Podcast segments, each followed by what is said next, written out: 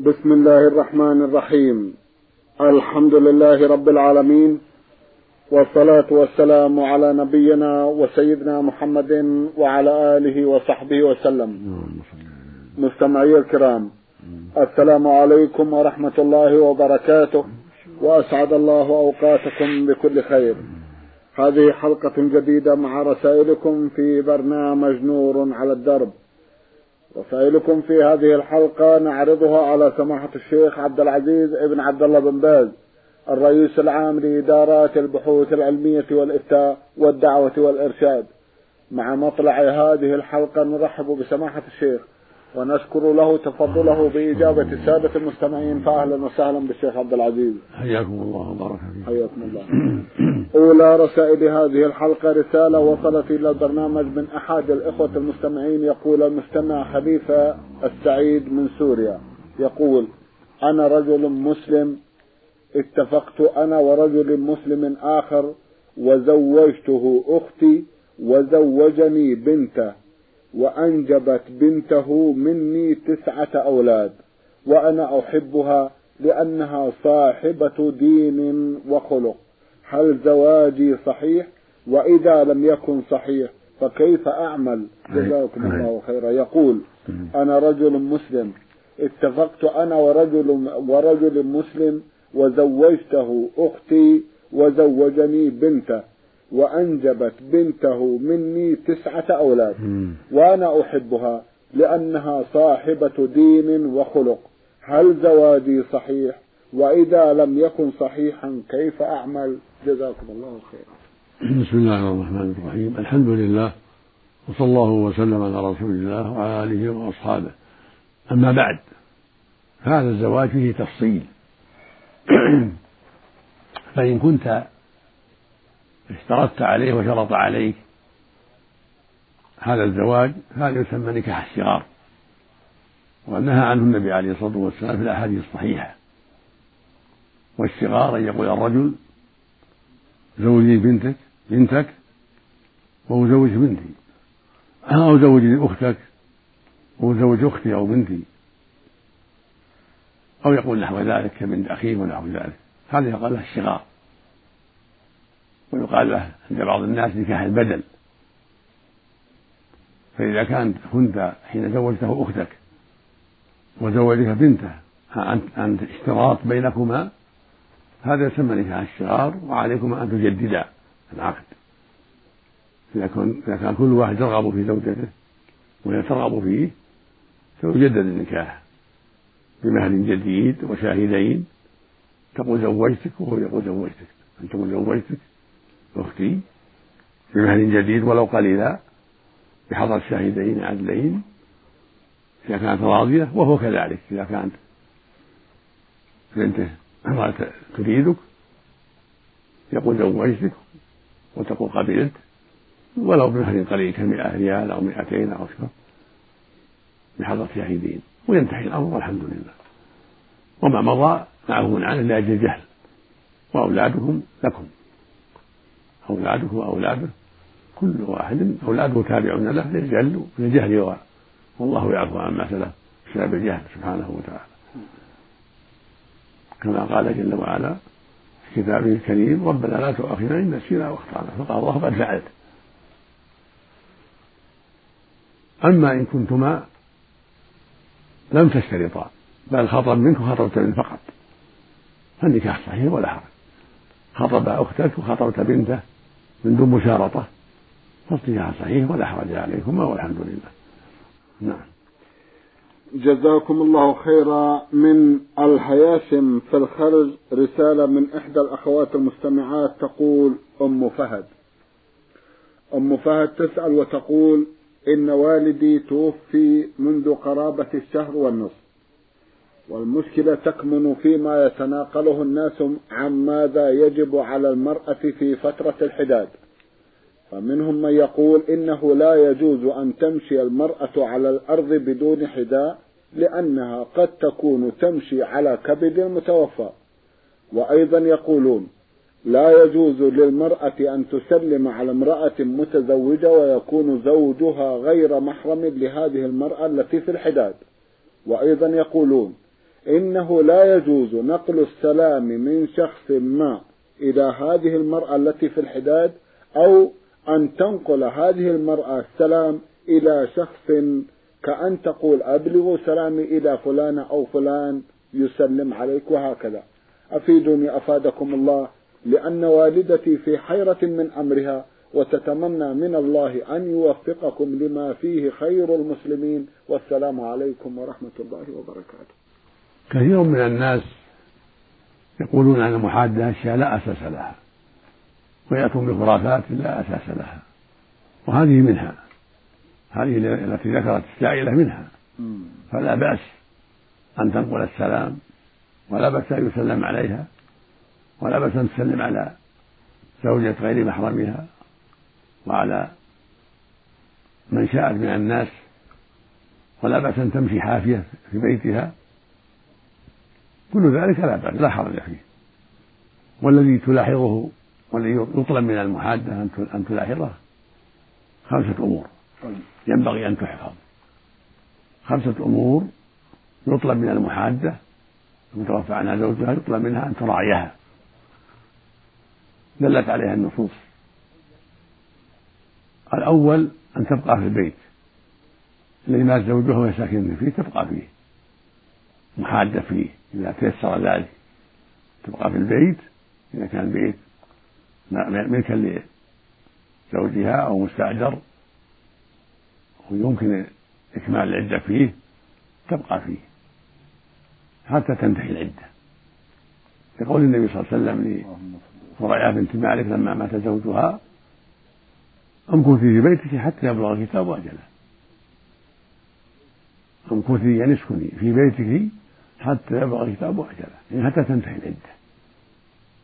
إلا إذا كان هناك مانع مثل البيت ليس لزوجها فالمستأجر تمت المدة ويريده أهله فلا بأس تخرج.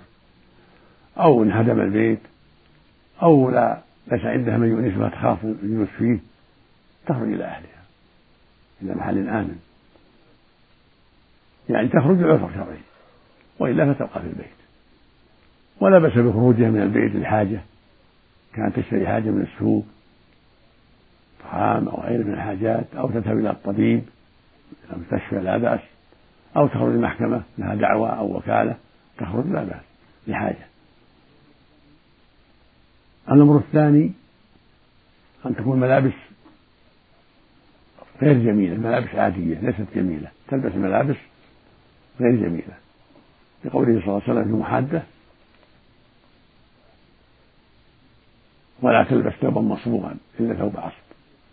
قال العلماء معناه ثوب مصبوغ يعني صبغ جميل يعني فيه جمال فيه يلفت النظر. أما ثياب العصر فهي غير جميلة. فإذا كانت الملابس غير جميلة فلا بأس.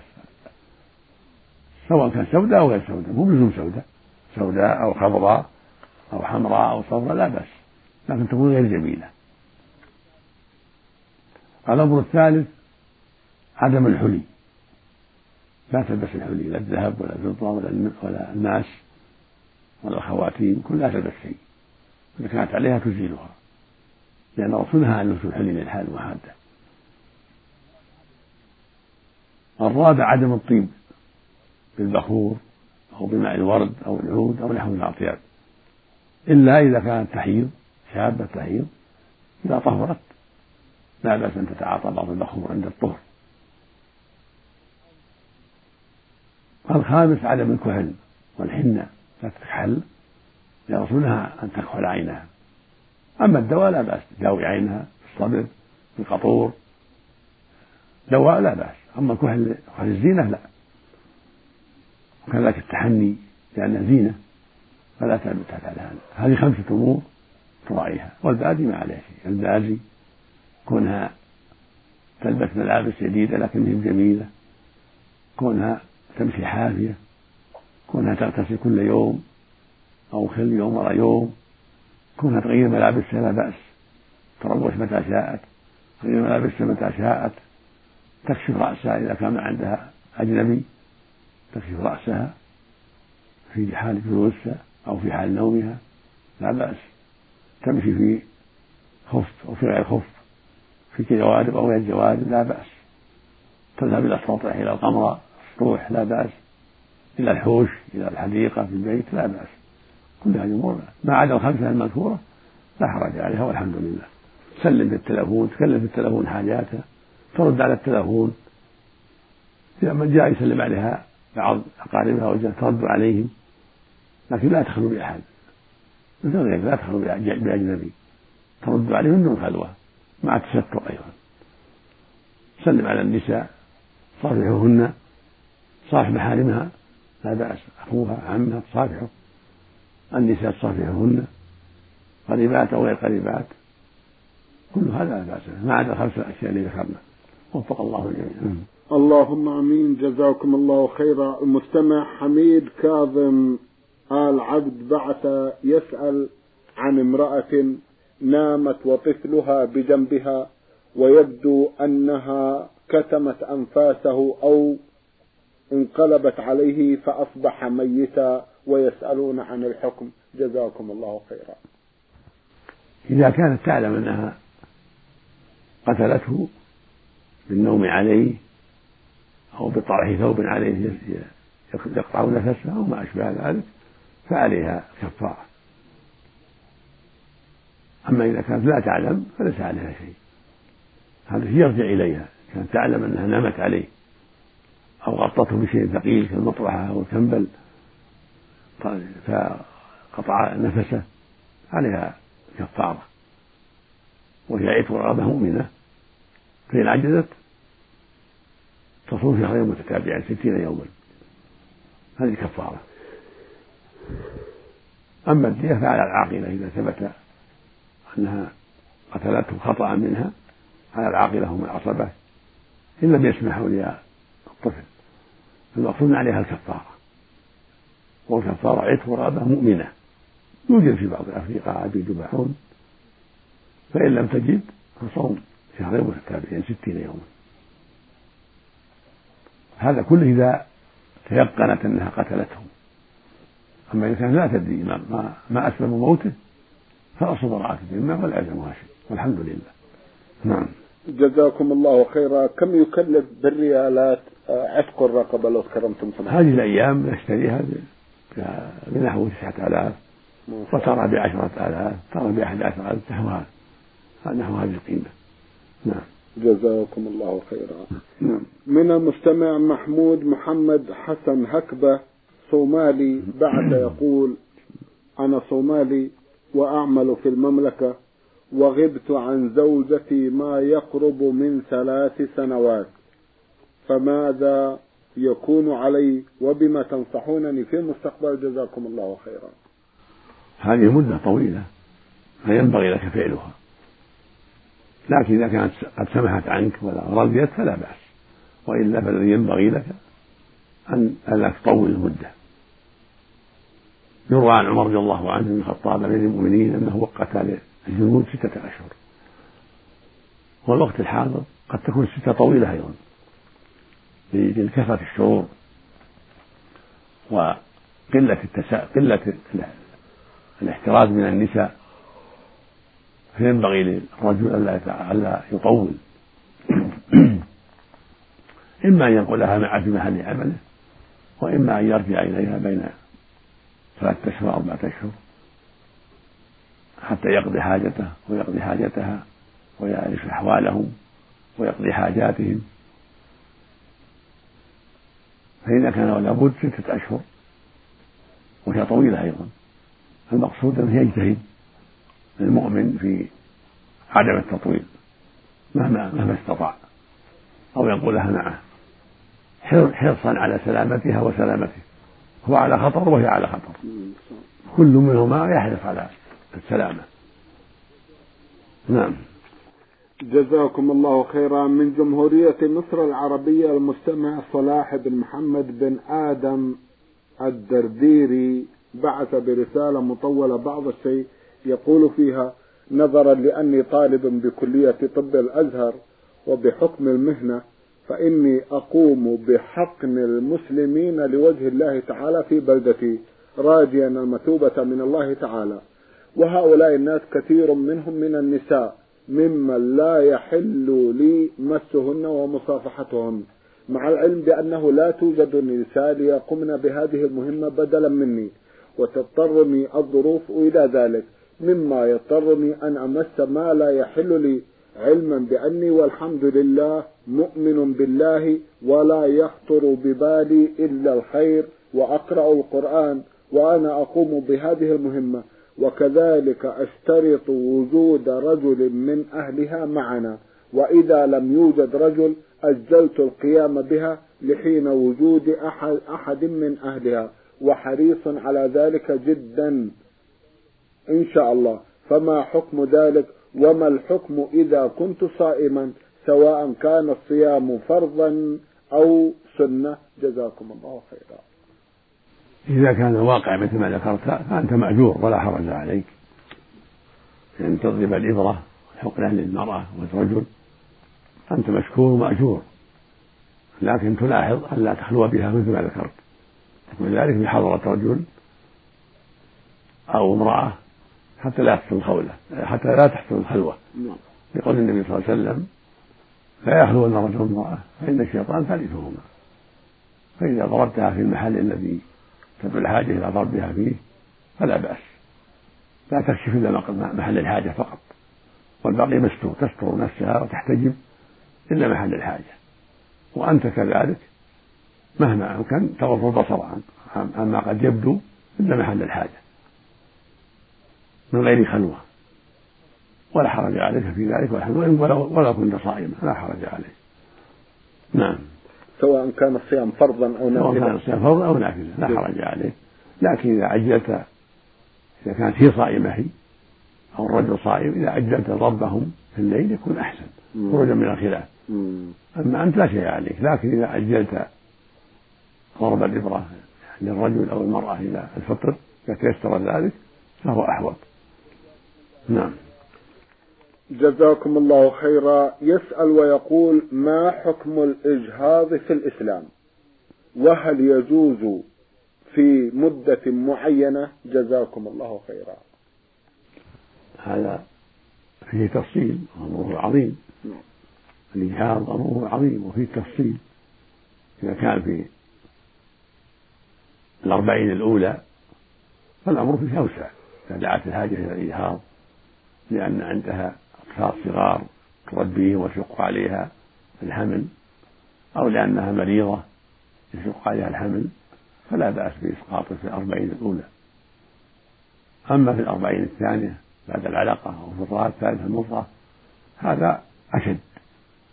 ليس لها إسقاطه إلا عند عند عذر شديد مرض شديد يقرر الطبيب المختص أنه يضرها بقاؤه فلا مانع من إسقاطه في هذه الحالة. عند خوف الضرر الكبير. وأما بعد نفخ الروح في بعد الشهر الرابع فلا يجوز إسقاطها أبدا. بل يجب عليها أن تصبر وتتحمل حتى تلد إن شاء الله. إلا إذا قرر طبيبان أو أكثر مختصان ثقتان أن أن بقاءه يقتلها سبب لموتها فلا بأس بتعاطي أسباب لإخراجه حذرا من موتها لأن حياتها ألزم. عند الضرورة القصوى بتقرير طبيبين أو أكثر ثقات أن بقاءه يضرها وأن عليها خطرا بالموت. إذا بقي فلا بأس إذا وجد ذلك بالشروط المذكورة فلا حرج في ذلك إن شاء الله. وهكذا لو كان مشوها تشويها يضرها أو بقي وفي خطر عليها قرر طبيبان فأكثر أن هذا الولد لو بقي عليه خطر الموت. الموت لأسباب في الطفل. هذا كله يجوز عند الضرورة إذا كان عليها خطر خطر الموت بتقرير طبيبين أو أكثر مختصين ثقتين نعم. جزاكم الله خيرا. في حديث النبي صلى الله عليه وسلم يقول ما أسفل الكعبين فهو في النار. وأنا ألبس الجلباب أو البنطلون أسفل الكعبين قليلا فما الحكم؟ علما بأننا نفعل ذلك لا للخيلاء لا للخيلاء ولا للرياء. ثبت عن رسول الله صلى الله عليه وسلم قال فيما رواه البخاري في الصحيح ما أسفل من الكعبين من الإزار فهو في النار. وقال صلى الله عليه وسلم ثلاثة لا يكلمهم الله. ولا ينظر يوم القيامة ولا يزكيهم ولهم عذاب أليم. المسبل إزارة. والمنان فيما أعطى والمنفق سلعته بالحديث الكاذب رواه مسلم في الصحيح. وهذا وعيد شديد. وفي حديث آخر يقول صلى الله عليه وسلم إياك والإسبال فإنه من المخيلة فجعله من المخيلة من الكبر جنس الإسبال. فالواجب رفع الثياب حتى لا تكون أسفل الكعبين النهاية الكعبان هذه النهاية. هذا هو الصواب. وقال بعض أهل العلم يجوز مع الكراهة إذا كان لقصد لغير قصد الرياء ما قصد ما قصد الكبر. وإنما تساهل وليس قصده التكبر. فيجوز مع الكراهة. لما روي عن لما ثبت عن النبي صلى الله عليه وسلم أنه قال الصديق لما قال يا رسول الله إن إزاري يتفلت علي إلا أن اتعاهده فقال صلى الله عليه وسلم إنك لست مما يفعله خيلاء. قالوا هذا يدل على تقييد الأحاديث الأخرى. والصواب أن هذا أنه لا يقيدها وأنه لا يجوز الاسبال مطلقا لكن مع القصد مع قصد الكبر يكون الاثم أعظم. لقوله صلى الله عليه وسلم من جر ثوبه خيلاء لم ينظر الله إلى يوم القيامة. فمع الكبر يكون الاثم أعظم ومع غير الكبر لا يجوز لأنه وسيلة الكبر ولأنه وسيلة أيضا للتنجيس والأوساخ. والأصل في العموم الأصل الاخذ بالعموم. في تحريم الإسبال هذا هو الأصل. وما جاء في حديث الصديق لا يدل على التقييد إنما هذا بحق من يتفلت عليه ويلاحظه. أما هؤلاء يسحبون ثيابهم متعمدين يرخيه متعمدا لا يتفلت عليه بل يرخيه متعمدا. فهذا مظنة الكبر ومظنة الخيلاء ثم لو لم يفعل ذلك فهو وسيلة إلى ذلك مع تعريض ملابسه للنجاسات والأوساخ. ومع تجزئة غيره على ذلك فإن غيره يتأسى به. فالذي تقتضيه الأدلة الشرعية هو تحريمه الإسبال مطلقا. ولكنه مع قصد التكبر يكون الإثم أعظم وأشد. نسأل الله للجميع العافية والسلامة. اللهم آمين. جزاكم الله خيرا. أسأل جزاكم الله خيرا عن حكم قراءة الشعر وعن حفظه. مع العلم بأني لا أحب الشعر الغزلي وأكرهه. الشعر شعران إذا كان في الحكمة والمواعظ والفوائد لا بأس. يقول النبي صلى الله عليه وسلم ان من الشعر لحكمه وقد سمع النبي شعر حسان وغيره من الصحابة فلا بأس. بشرط لا يكثر منه وألا يشغله عما هو أهم. أما إذا كان الشعر في الفساد والدعوة إلى الفواحش. هذا لا يجوز. فهو منكر. وهكذا الأغاني الماجنة أو مع آلات اللهو كله منكر. مع الطنبور مع العود مع الكمان مع الموسيقى لا يجوز. فينبغي المؤمن التحرر من هذه الأشياء والحذر منها. والله المستعان. الله المستعان. جزاكم الله خيرا. حدثونا لو تكرمتم عن امرأة عليها أيام من شهر رمضان من عامين أو ثلاثة أيام. هل تؤدي ما عليها من أيام فقط أم عليها كفارة وما كفارتها؟ إذا أخر الإنسان الصيام عاما أو أكثر من دون عذر فعليه التوبة إلى الله والندم والعزم أن لا يعود وعليه القضاء وعليه الكفارة جميع ثلاثة أشياء. التوبة. وقضاء الأيام التي على الإنسان من رجل أو امرأة وإطعام مسكين عن كل يوم. أما إن كان لعذر كالمرض فلا فلا شيء عليه إلا القضاء فقط. وأما التساهل فعليه القضاء وعليه التوبة إلى الله وعليه إطعام مسكين عن كل يوم بحسب الأيام. كل يوم عن نصف يجمعها ويعطيها بيتا فقيرا أو شخصا فقيرا كلها. لا بأس يجمعها ويعطيها بعض الفقراء في أول الشهر أو في آخره في أول الصيام وفي آخر الصيام. هذا إذا كان أخرها عاما أو أكثر. أما إذا كان الله في العام قبل رمضان آخر في نفس العام قضى هذا ما عليه بالقضاء وليس عليه إطعام. نعم.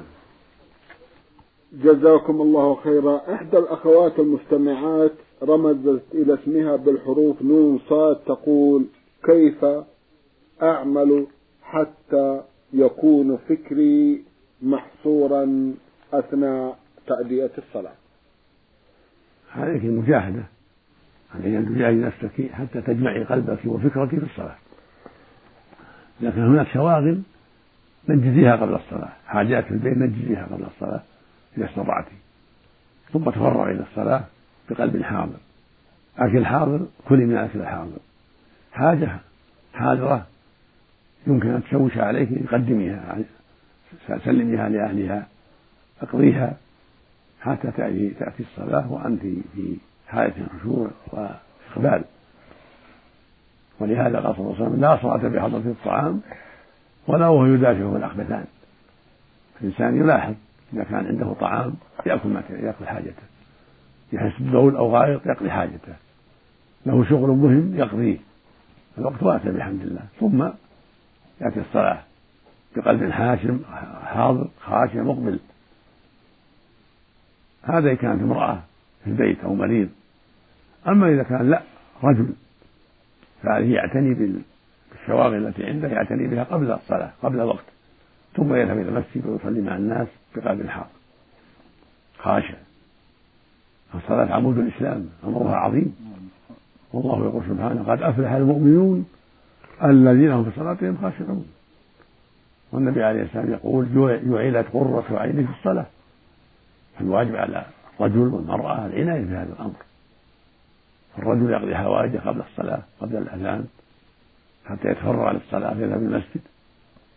المرأة كذلك تعتني إذا حضرت الصلاة فإذا هي فارغة مستعدة للصلاة بقلب خاشع وإذا عرض عارض قدمته. ما دام الوقت واسع الحمد لله. حضر طعام تأكل الطعام. حضر بول أو غائط تغادر تقضي حاجتها ثم توضأ. جاءها ضيف تسلم عليه وتقضي حاجته ثم تصلي ما دام الوقت واسعا حتى تصلي صلاة مضبوطة. قد أقبلت عليها بقلبها حضرت فيها بقلبها خشعت فيها لله.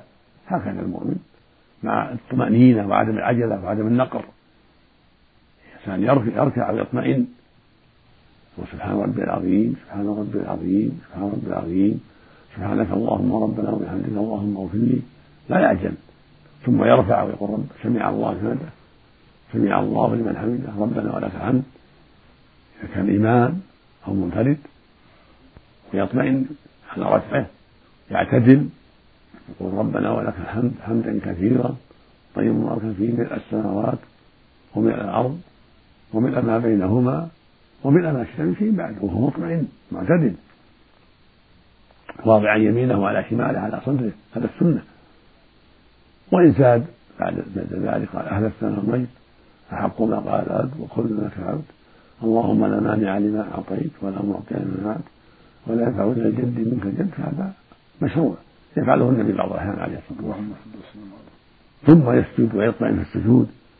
وسبحان ربي الأعلى سبحان ربي الأعلى سبحان ربي الأعلى ثلاث مرات أو أكثر. أدنى الكمال ثلاث. وإذا زاد خمس أو سبع كان أفضل. ويدعو في سجوده ويقول سبحانك اللهم ربنا وبحمدك اللهم اغفر لي في الركوع والسجود. سبوح قدوس رب الملائكة والروح. سبحان ذي الجبروت والملكوت والكبرياء والعظمة. كل هذا يقال في الركوع والسجود. ولكن في السجود يدعو زيادة. اللهم اغفر لي ذنبي كله دقه وجله وأوله وآخره وعلانته وسره اللهم أصلح قلبي وعملي. اللهم ارزقني فقه في دينك. اللهم اغفر لي ولوالدي وللمسلمين ونحو هذا من الدعوات في سجوده النبي عليه السلام قال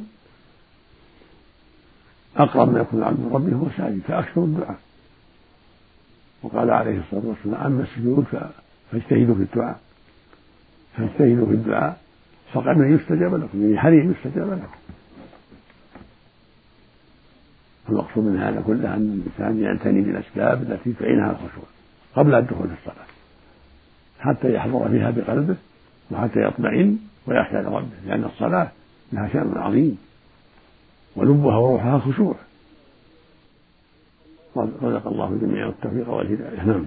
اللهم آمين. جزاكم الله خيرا. سماحة الشيخ في ختام هذا اللقاء أتوجه لكم بالشكر الجزيل بعد شكر الله سبحانه وتعالى على تفضلكم بإجابة السادة المستمعين. وآمل أن يتجدد اللقاء وأنتم على خير. نسأل الله مستمعي الكرام كان لقاؤنا في هذه الحلقة مع سماحة الشيخ عبد العزيز ابن عبد الله بن باز. الرئيس العام لإدارات البحوث العلمية والإفتاء والدعوة والإرشاد. شكرا لسماحته. وأنتم يا مستمعي الكرام شكرا لحسن متابعتكم. وإلى الملتقى. وسلام الله عليكم ورحمته وبركاته.